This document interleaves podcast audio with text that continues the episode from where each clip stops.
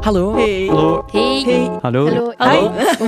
Welkom bij de kleine podcast van de Karel de Grote Hogeschool. Hier hoor je echte verhalen van studenten op KDG.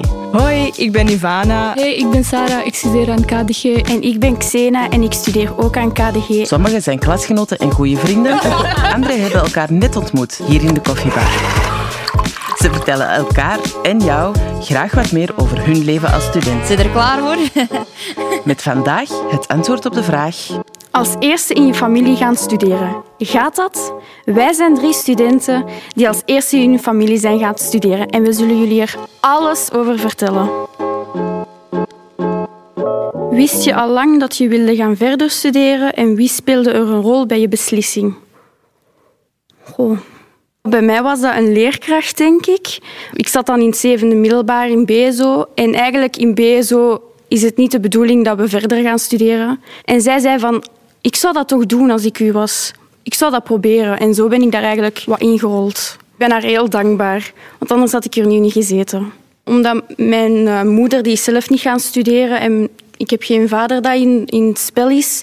En mijn grootouders die zijn ook direct gaan werken als ze jong waren. Dus zij dachten van, oeh, jij verder studeren, uh, ik zou toch maar eens goed nadenken. Want, en ze zagen mij dat eigenlijk niet doen, omdat ik dan ook heel onzeker ben. Dus dat ik direct zou blokkeren, moest iets niet gelukt zijn. Bij mij was het uh, iets helemaal anders. Ik kom ook van een ander land, dus ik ben een anderstalig. Ik had niet echt zo iemand die mij heeft gepusht om te gaan studeren. Voornamelijk bij mij was het ik die zei zo van... Hey, ik ging elke zomer naar België sinds dat ik tien jaar oud was. Op familiebezoek, want mijn onkels en tante wonen hier al lang. En toen zag ik al KDG staan en ik dacht zo van... één dag ga ik daar studeren. En ik heb dat zo bij mezelf gewoon ingebakend, omdat ik ja, in Kroatië, dat iedereen zoiets heeft van mm, jij bent niet gemaakt voor studeren, ga gewoon werken of zo. Want in onze familie, ik heb twee oudere broers, die zijn ook niet gaan studeren, die zijn gewoon direct gaan werken na hun middelbaar. Dus bij mij was dat zo van nee, ik wil eigenlijk aan mezelf bewijzen dat ik het kan en dat ik een big deal kan worden. En uh, ik zei oké, eens dat ik klaar ben met middelbaar in Kroatië, verhuis ik naar België, leer ik de taal en ga ik beginnen studeren op KDG. En nu zit ik in mijn laatste jaar EPM. In de podcast ook. Uh, ik wist wel zeker dat ik verder ging studeren. Ik ben ook niet geboren in België, ik ben van Pakistan. Mijn ouders zijn uh, allebei ook niet zo goed naar school kunnen gaan. Dus die hebben ook tegen mij gezegd, studies zijn de meest belangrijkste voor ons. Je hoeft niet eens te werken of zo. Doe eerst je hele schoolcarrière.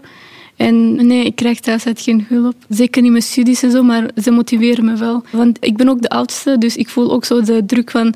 Ik moet iets doen ja, soms zeggen mijn ouders van, ja, je, je, moet wel goed doorwerken, want jouw broers en zussen kijken naar jou. Als jij niks gaat doen, gaan die denken, oké, zij heeft niks gedaan, dus wij moeten dat ook niet doen. Want ik ben zogezegd voorbeeld voor hun. Dus ik moet iets laten zien dat die dat kunnen volgen. Allee, ik probeer mijn best te doen.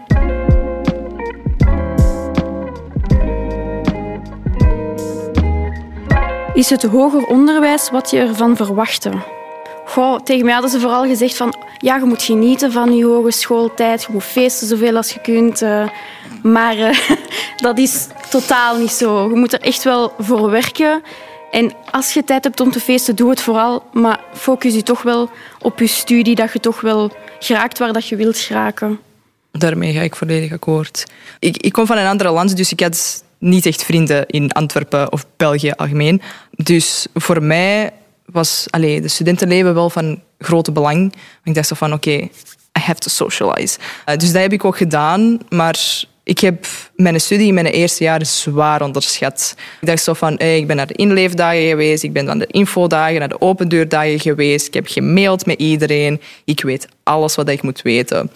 En dat komt voor je eerste examenkansen, je de twaalf examens waarvoor dat je voor maar drie jaar door bent. En dan zit je daar zo van, weten dat studentenleven, mm, eventjes aan de kant en effectief beginnen studeren. Want als je zo verder gaat, gaat het nergens geraken. Dus docenten en iedereen op KDG heeft dat wel heel goed uitgelegd. Maar mijn indruk was eerst zo van, oh chill.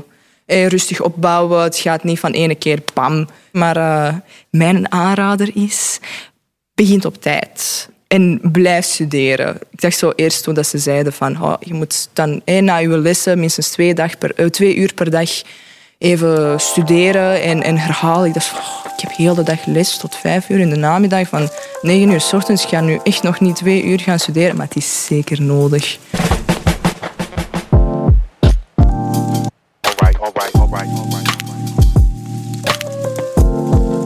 Ja, ik zou ook zeggen, in uh, middelbaar had je veel kleine klasgroepen, dus je kende elkaar.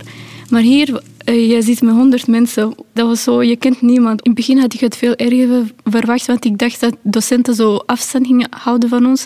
Dat was in het begin echt raar, maar daarna als je zoveel vragen begint te stellen, dan worden ze ook meer open met jou. En ook tijdens online lessen, als je vragen stelt, die beantwoorden dat wel. En als je zo extra uitleg nodig hebt, dan blijven die op het einde. Dan leg je die alles rustig uit. Of soms hadden we ook zo oefensessies op campus. En dan kon je altijd terecht bij hun met vragen. En die beantwoorden dat wel.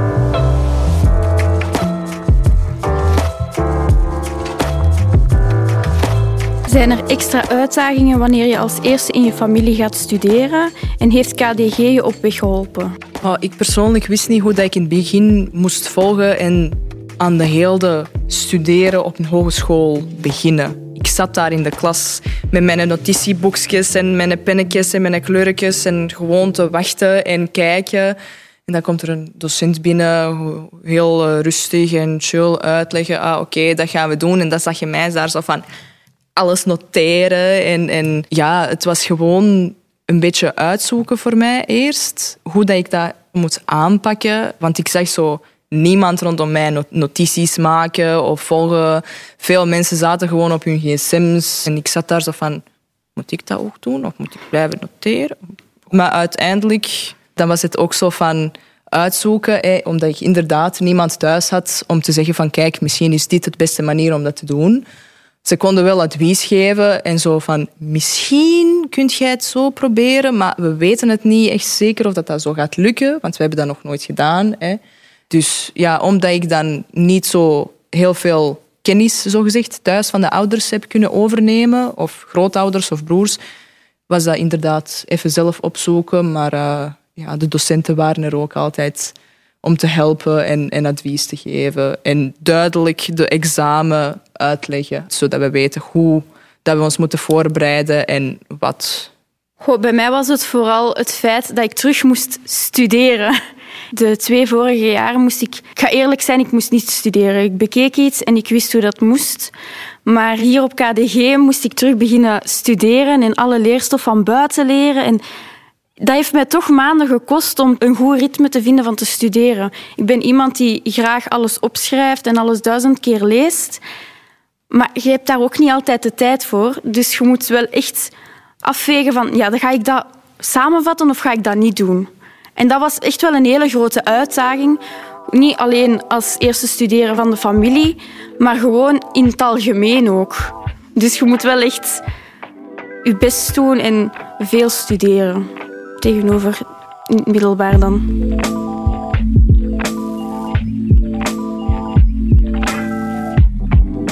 Durf om vrienden te maken, durf om mensen te aanspreken.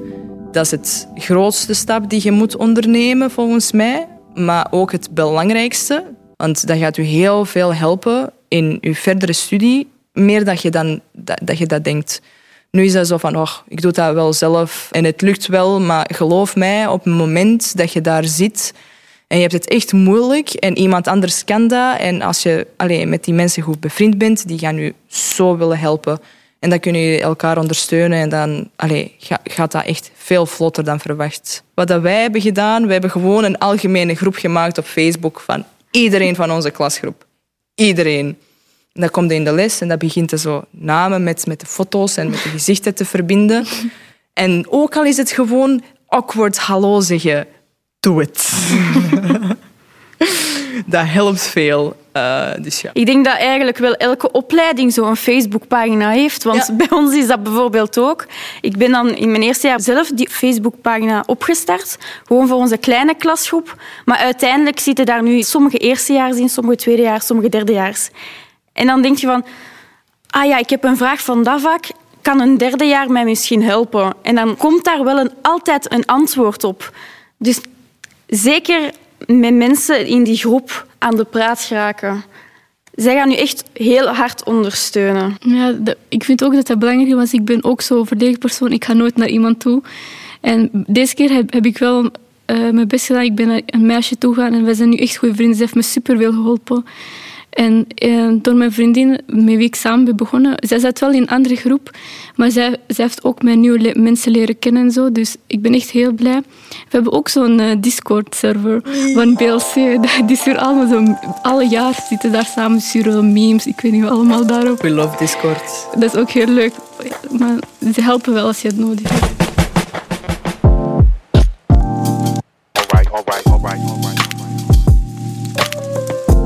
Hoe denk je dat je familie gaat reageren als je eindelijk je diploma in handen hebt?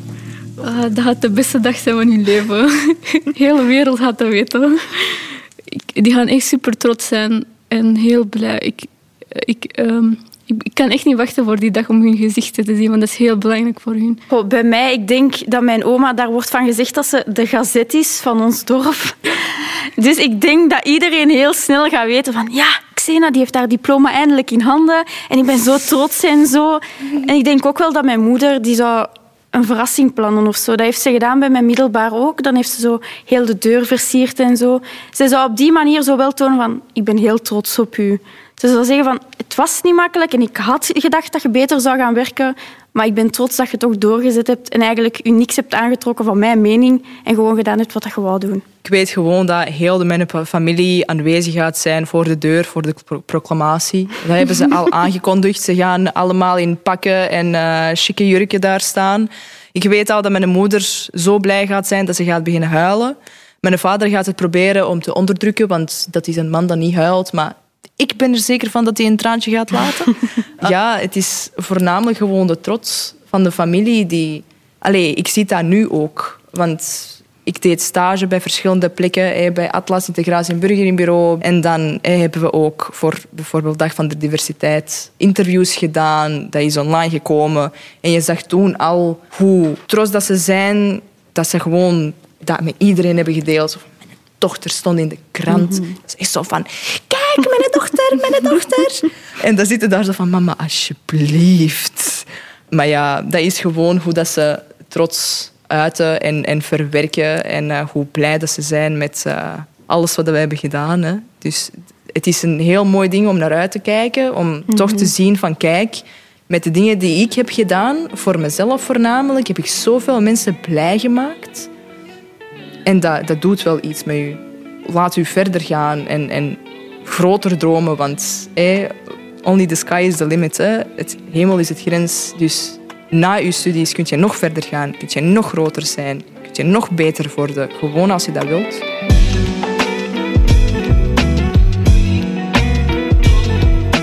Voilà, hopelijk heb je nu al meer een idee over hoe het is om te studeren. Heb je nog vragen over verder studeren? Check dan zeker onze andere afleveringen. Antwoord daar niet gevonden? Stel je vraag dan in de comments of via de KDG Socials. En dan beantwoorden onze studenten ze misschien wel in een volgende podcast.